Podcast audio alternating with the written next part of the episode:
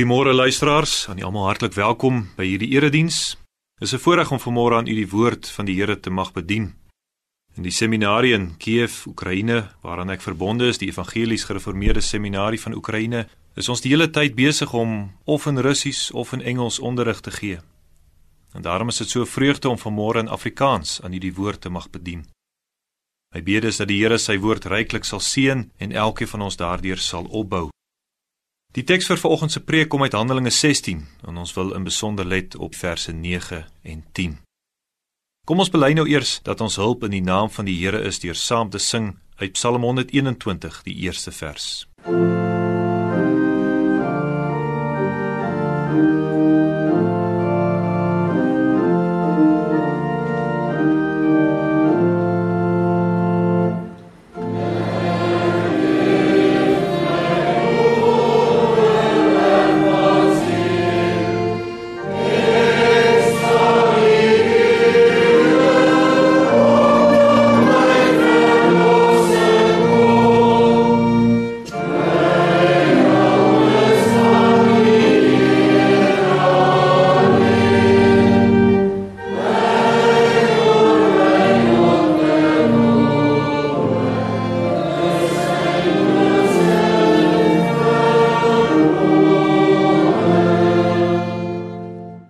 ontvang dan die groet van die Here, genade vir julle en vrede van God ons Vader en van die Here Jesus Christus. Amen. Liefde tot God en liefde tot ons naaste. Dit is die Here Jesus se samevatting van die wet. Maar om hierdie liefde konkreet te maak, aktueel vir ons vandag, kom ons luister na die 10 gebooie soos wat ons dit vind in Eksodus hoofstuk 20. Toe het God al hierdie woorde gespreek en gesê: Ek is die Here jou God wat jou uit Egipte land uit die slawehuis uitgelei het. Jy mag geen ander gode voor my aangesig hê nie. Jy mag vir jou geen gesneede beeld of enige gelykenis maak van wat bo in die hemel is of van wat onder op die aarde is of van wat in die waters onder die aarde is nie. Jy mag jou voor hulle nie neerbuig en hulle nie dien nie want ek die Here jou God is 'n jaloerse God wat die misdaad van die vaders besoek aan die kinders aan die derde en aan die vierde geslag van die wat my haat. En ek bewys barmhartigheid aan duisende van die wat my liefhet en my gebooie onderhou. Jy mag die naam van die Here jou God nie ydelik gebruik nie want die Here sal die een wat sy naam ydelik gebruik nie ongestraf laat bly nie Gedenk die Sabbatdag dat jy dit heilig. Ses dae moet jy arbei en al jou werk doen. Maar die sewende dag is die Sabbat van die Here jou God. Dan mag jy geen werk doen nie. Jy of jou seun of jou dogter of jou dienskneg of jou diensmaagd of jou vee of jou vreemdeling wat in jou poorte is nie. Want in 6 dae het die Here die hemel en die aarde gemaak, die see en alles wat daarin is, en op die sewende dag het hy gerus. Daarom het die Here die Sabbatdag geseën en dit geheilig.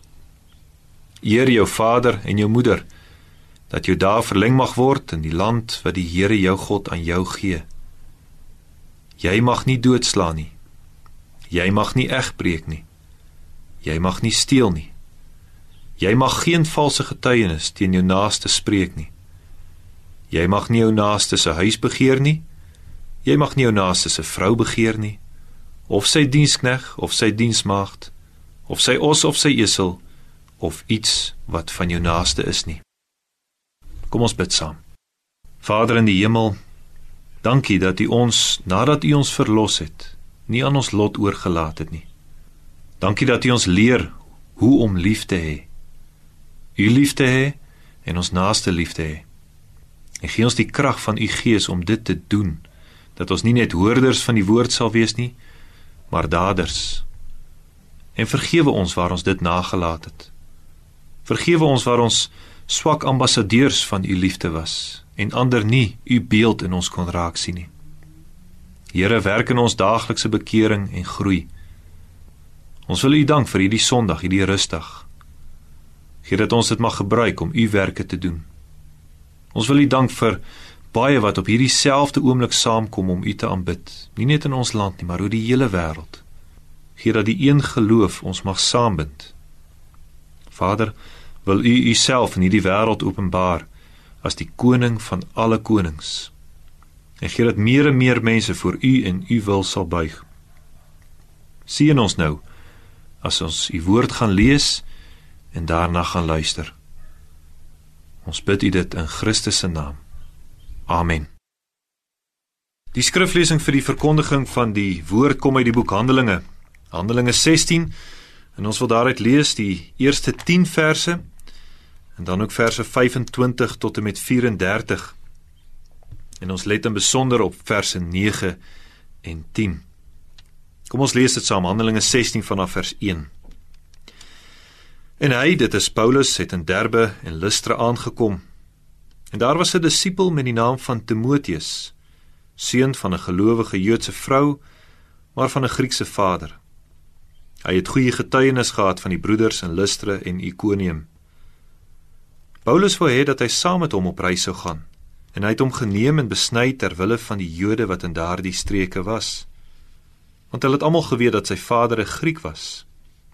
En op hulle reis deur die stede het hulle die verordeninge wat deur die apostels en die ouderlinge in Jerusalem vasgestel was aan hulle oorgegee om te onderhou. En die gemeentes is versterk in die geloof en het elke dag vermeerder in getal. En hulle het deur die land Frigië en Galasië gegaan omdat die Heilige Gees hulle verhinder het om in Asië die woord te verkondig. En toe hulle by Misië kom, het hulle probeer om na Betanië te gaan, maar die Gees het hulle dit nie toegelaat nie. So het hulle dan Missie verbygegaan en na Troas afgekom. En dan ons teksverse en Paulus het 'n gesig in die nag gesien. Daar staan 'n Macedoniër wat hom smeek en sê: "Kom oor na Macedonië en help ons."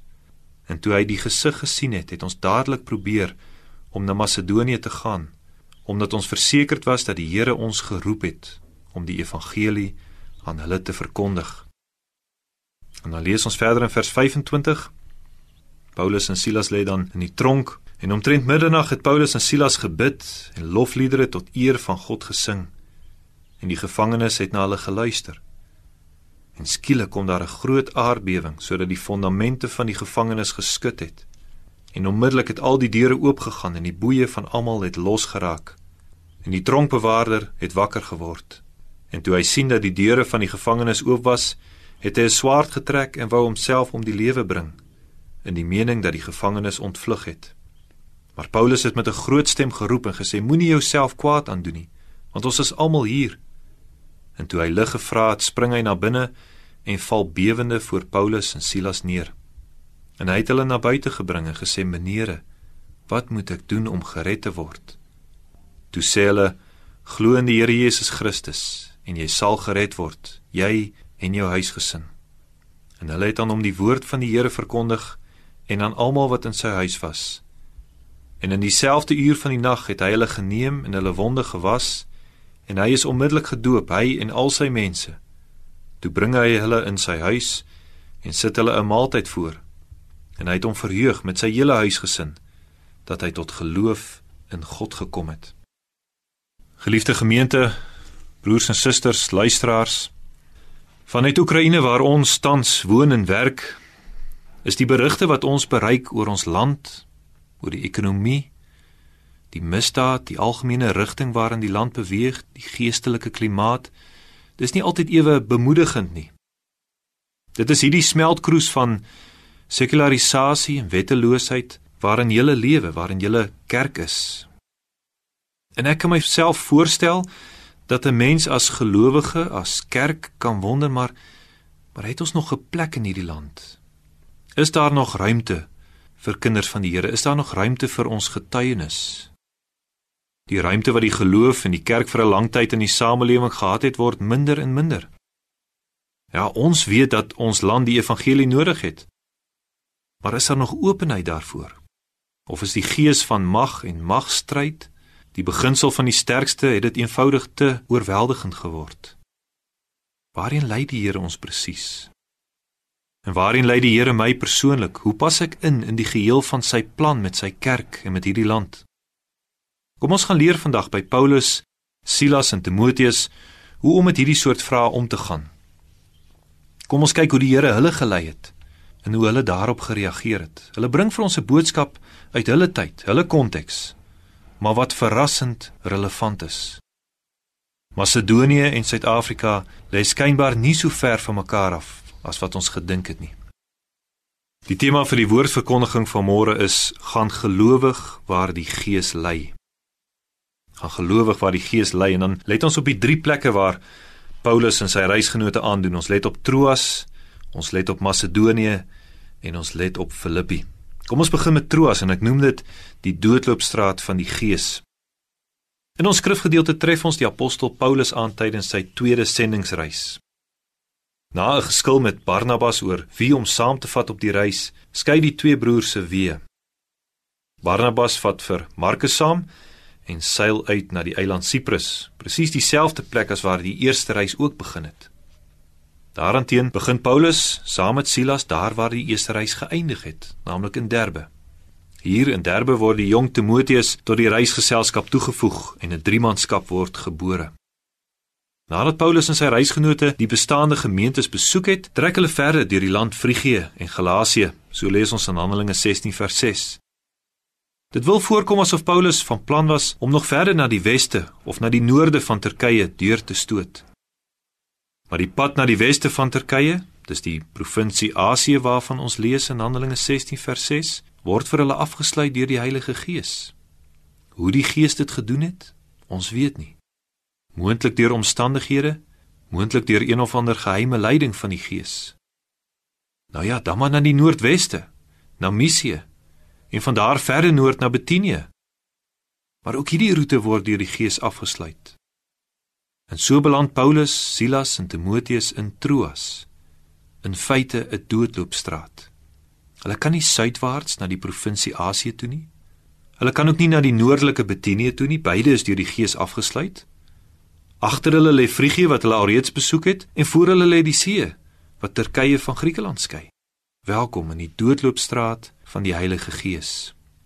Ja, die weë van die Gees is nie vir ons altyd ewe duidelik nie. Hoekom doen hy dit? Hoekom lei hy hierdie gedrewe predikers wat volgens hoofstuk 15 vers 40 aan die genade van God opgedra was vir hierdie reis? Hoekom lei hy hulle in 'n oënskynlike doodloopstraat? Hoekom laat hy velde wat wit was vir die oes, Asië en Betinië, hoekom laat hy dit eenkant lê?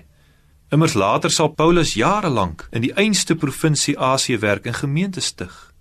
En wanneer Petrus sy eerste brief skryf, dan rig hy dit onder andere ook aan die gelowiges in Betinië. Hoekom bly hierdie gebiede vir nou egter geslote? Natuurlik, ons weet wat daarna met Paulus en sy medewerkers sou gebeur.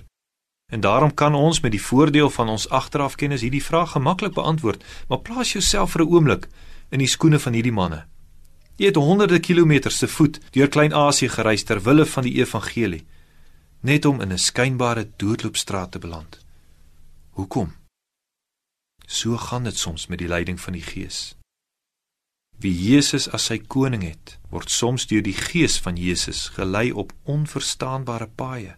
Ons ken dit in ons eie lewens en ons weet dat dit geld vir die kerk as geheel ook. Die gees, daardie wind wat waai waar hy wil, se leiding is soms moeilik verstaanbaar. Die gees se leiding voer ons soms in 'n totaal ander rigting as wat ons self voorsien het. Ons kan baie duidelike planne hê vir ons eie lewens, vir die gemeente, planne wat op hulle self nie verkeerd is nie, net so min as wat Paulus se sendingsplanne noodwendig verkeerd was. Maar die Here se weë is nie ons weë nie, en sy gedagtes is hoër as ons gedagtes, soos Jesaja sê.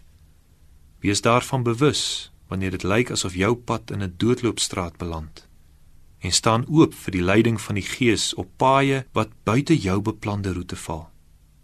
Erken die leiding van die Gees wanneer dinge anders loop as wat jy beplan het Dit is duidelik dat Paulus, Silas en Timoteus daardie openheid gehad het toe hulle sendingsroete tot twee maal toe geblokkeer is.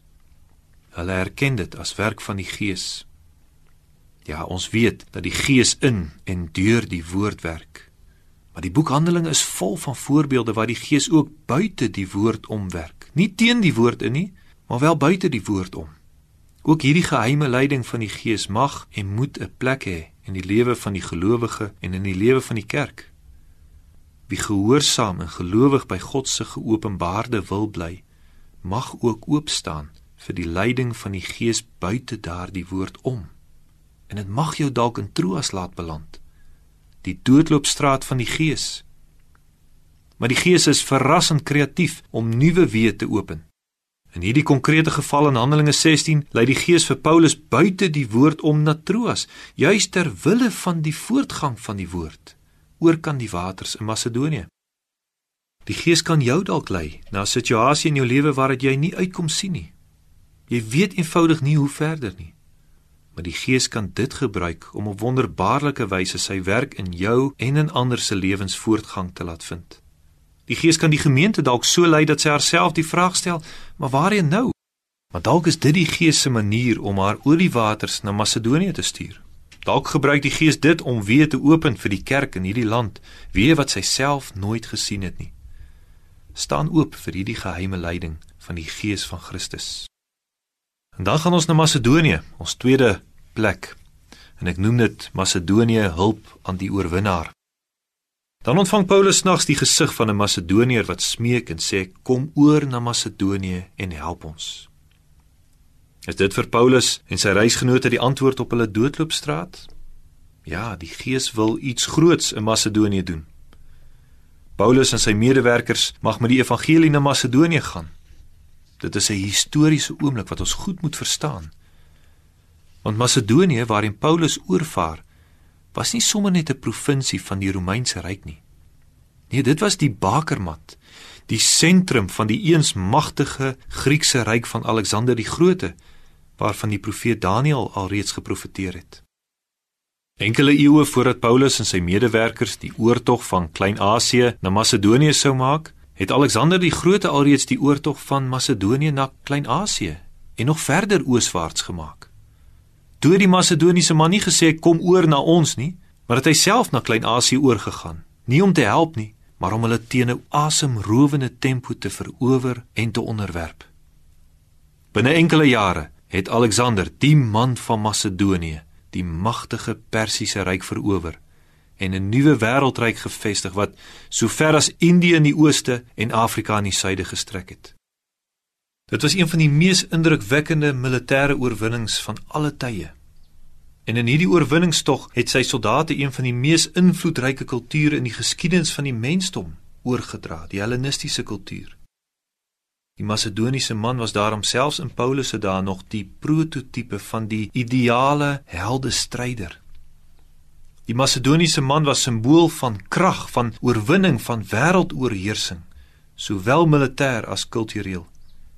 En dit is hoe die Macedoniërs ook in Paulus se dae nog steeds bekend gestaan het. En dit is hierdie Macedoniese man wat Paulus sien. Miskien in sy militêre uniform? Ons weet nie. Maar wat die geval ook al was, ons kan aanneem dat hierdie man duidelik as Macedoniër herkenbaar was. Dis soos wat ons vandag 'n baie spesifieke beeld het van 'n Amerikaanse soldaat. Ons kan hom op enige plek uitken. Net so het hierdie imposante figuur in Paulus se gesig verskyn duidelik herkenbaar as 'n Macedoniese man met een verskil. Hierdie keer is die Macedoniese man nie gereed om te veg nie. Hy staan nie daar as dapper held in stryde nie. Hierdie keer staan hy met sy hande in die lug, winkend na Paulus: "Kom oor na Macedonië en help ons." 'n SOS uit 'n land wat uiteindelik nie in eie kragte kon oorwin nie. Dis aangrypend wat hier gebeur. Die wêreldveroweraar, die prototipe van die ware held, roep om hulp. Hy het Christus nodig. Dit is die verstommende realiteit van Paulus se gesig. Christus is koning en selfs die grootste mens, die ideale mens in menslike oë, het hom nodig. Die wêreldmagte van ons dag, die presidente, die konings, die leiers, hulle het Christus nodig. Net soos wat die evangelie die Macedoniese man verower het en hom vervolgens in Filippi en in Tessalonika en in Berea en in Athene en in Korinte op sy knieë gedwing het, so mag ons die evangelie bring aan die Suid-Afrikaanse man en vrou sodat hulle ook mag buig voor die koning van alle konings. Macedonië mag deel in die redding deur die egte wêreldveroweraar in die hemelse Jerusalem en sy vrede op aarde word nie bereik met swaard en geweld nie maar met die evangelie van liefde en genade. Dit is wat die wêreld nodig het. ook die magtige Macedonië. Dit is wat ons ook mag verkondig aan Afrika, aan Suid-Afrika. Moet daarom nie na die magsvertoon van mense om jou heen kyk nie. Kyk deur hulle bravade en sien die mens. Die mens wat desperaat soek na hulp, maar nie weet waar om dit te vind nie. En verkondig aan daardie mens, daardie hulpbehoewende net soos ons almal, die evangelie. Ek weet, hulle staan nie opgewonde en wag vir die boodskap van die evangelie nie. Macedonië het hulp nodig, so wys die hemelse gesig. Maar Macedonië weet self nog nie dat hy dit nodig het nie. Die wêreld het redding nodig, maar sy moet nog leer om daarvoor te bid. Daar is hoop vir ons land, maar sy moet nog leer om dit te verwag. God wil 'n wêreld wat nie daarvoor vra nie, verras met die reddende woord van die evangelie. Dit is die belofte van die gesig van die Macedoniese man. En dan gaan ons ten slotte na Filippi en ek noem dit oorwinning deur die geloof. Nou Paulus en sy medewerkers het oopgestaan vir die leiding van die Gees. En daarom het hulle die gesig onmiddellik verstaan as 'n aanwysing van God. Hulle moes na Macedonië gaan. En dit is dan ook presies wat hulle doen. Via die eiland Samothrake en via Neapolis na Filippi. Maar wat 'n teleurstelling. Want waar is die Macedoniese man nou? In Filippi is hy nêrens te vind nie. Niemand staan vir die sendeling en wag nie. Daar is geen verwagting van redding nie. Wat die Jode betref, vind die sendelinge slegs 'n bidplek langs die rivier waar 'n groep vroue aanwesig is. Jy kan maar gaan lees in Handelinge 16. Die manne het laat weet hulle gaan dit nie kan maak nie. Daar is selfs nie eens 'n Joodse man wat in Macedonië vir Paulus hulle staan en wag nie.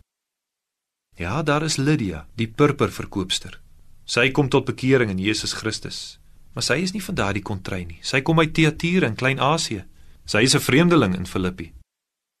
Die Macedoniërs skitter in hulle afwesigheid.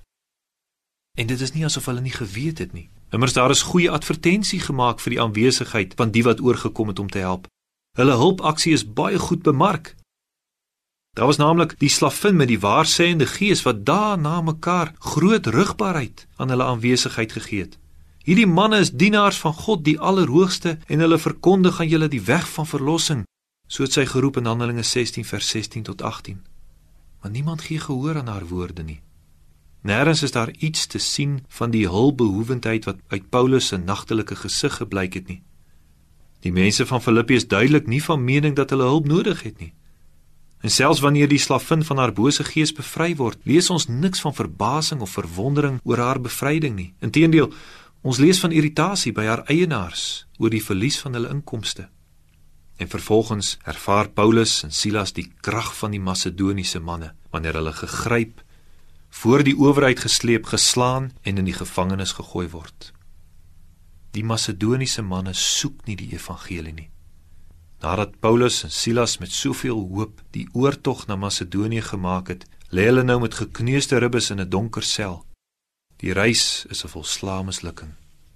Moontlik dat Paulus en Silas ook so gedink het toe hulle daar in die gevangenis gelê het. Maar dan, in die middernagtelike ure, gebeur daar iets. Paulus en Silas bid. Hulle sing lofliedere tot eer van God. Hoekom? Is dit nie effens onvanpas nie? Daar is mos niks om oor te sing as mense die evangelie afwys nie. Maar belangrik, Paulus en Silas glo in God se belofte. Hulle glo dat God getrou is toe hy vir hulle gewys het dat Macedonië hulp nodig het. En op daardie oomblik, wanneer hulle in sang en gebed wys dat hulle van God afhanklik is vir die bekering van Macedonië, dan gebeur die wonder. Die aarde begin skud. Die deure gaan oop, die boeye raak los. En die tronkbewaarder? Ja, hy lê in slaap, dis nie goed nie. Sy meerderes sal geen verskoning aanvaar nie. Dan maar liewer selfmoord. Soos 'n egte Macedoniër, hard en skynbaar dapper, trek hy sy swaard om homself dood te maak. Maar wanneer Paulus roep dat hulle almal nog daar is, dan kan die tronkbewaarde sy ore nie glo nie. Wat? Is dit moontlik? Hy val bewende voor Paulus en Silas neer en hoor wat roep hy. Kom oor en help ons.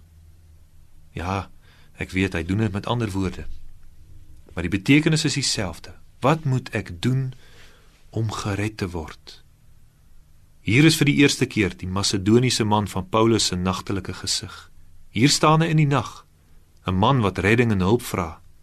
Dit is die wonder van die Gees. Sy doodloopstraat loop uit op bekering in die middel van die nag daar in die tronk in Filippi. En hoe die Gees dit gedoen? Hy gebruik daarby die gelowiges Paulus en Silas bidend, singend. Hulle verwag die bekering van die Macedoniese man volledig van God. Hulle bly op hulle plek, selfs wanneer die geleentheid daar is om te ontsnap.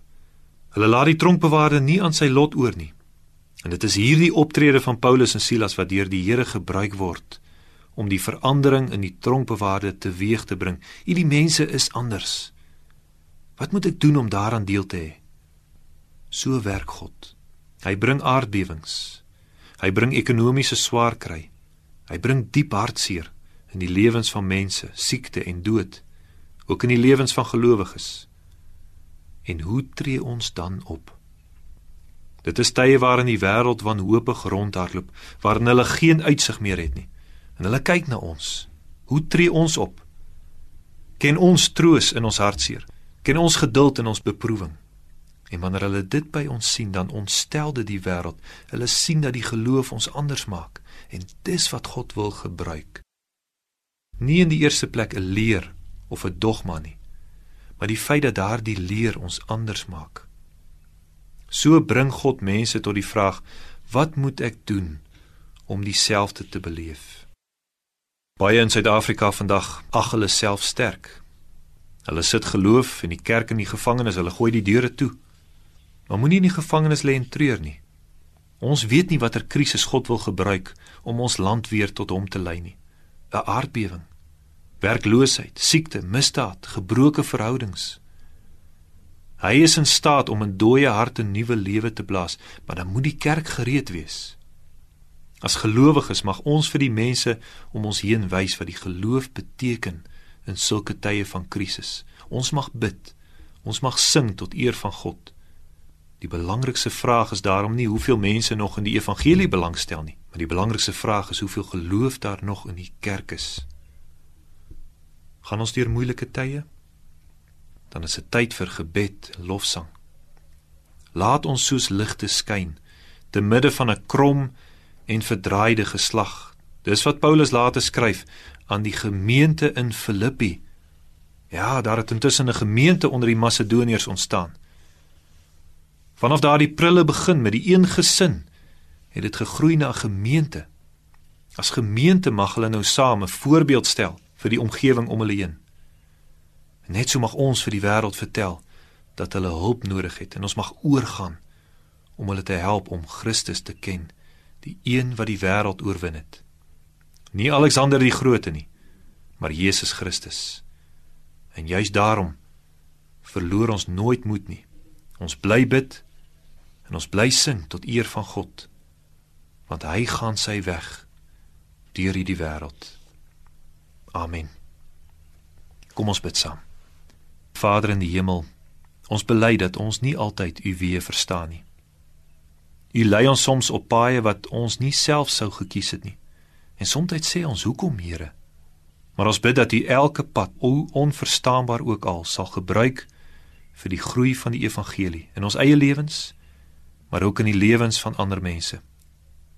Ons bid in besonder dat U die evangelie sal laat grondvat in die harte van die mense van hierdie land, in die harte van die leiers van hierdie land.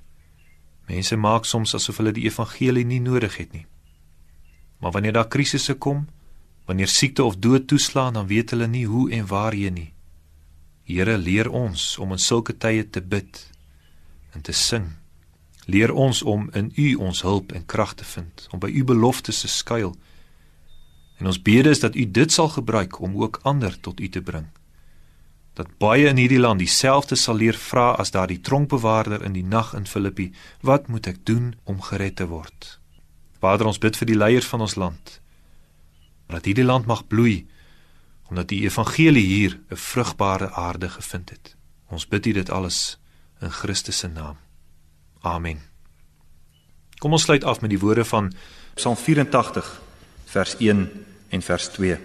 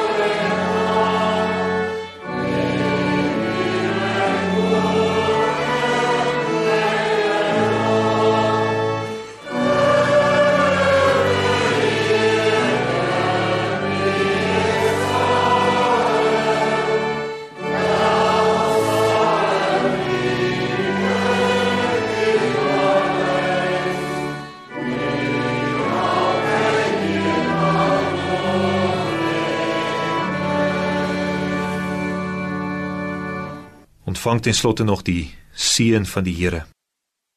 Die genade van ons Here Jesus Christus en die liefde van God ons Vader en die gemeenskap van die Heilige Gees is en bly met julle almal.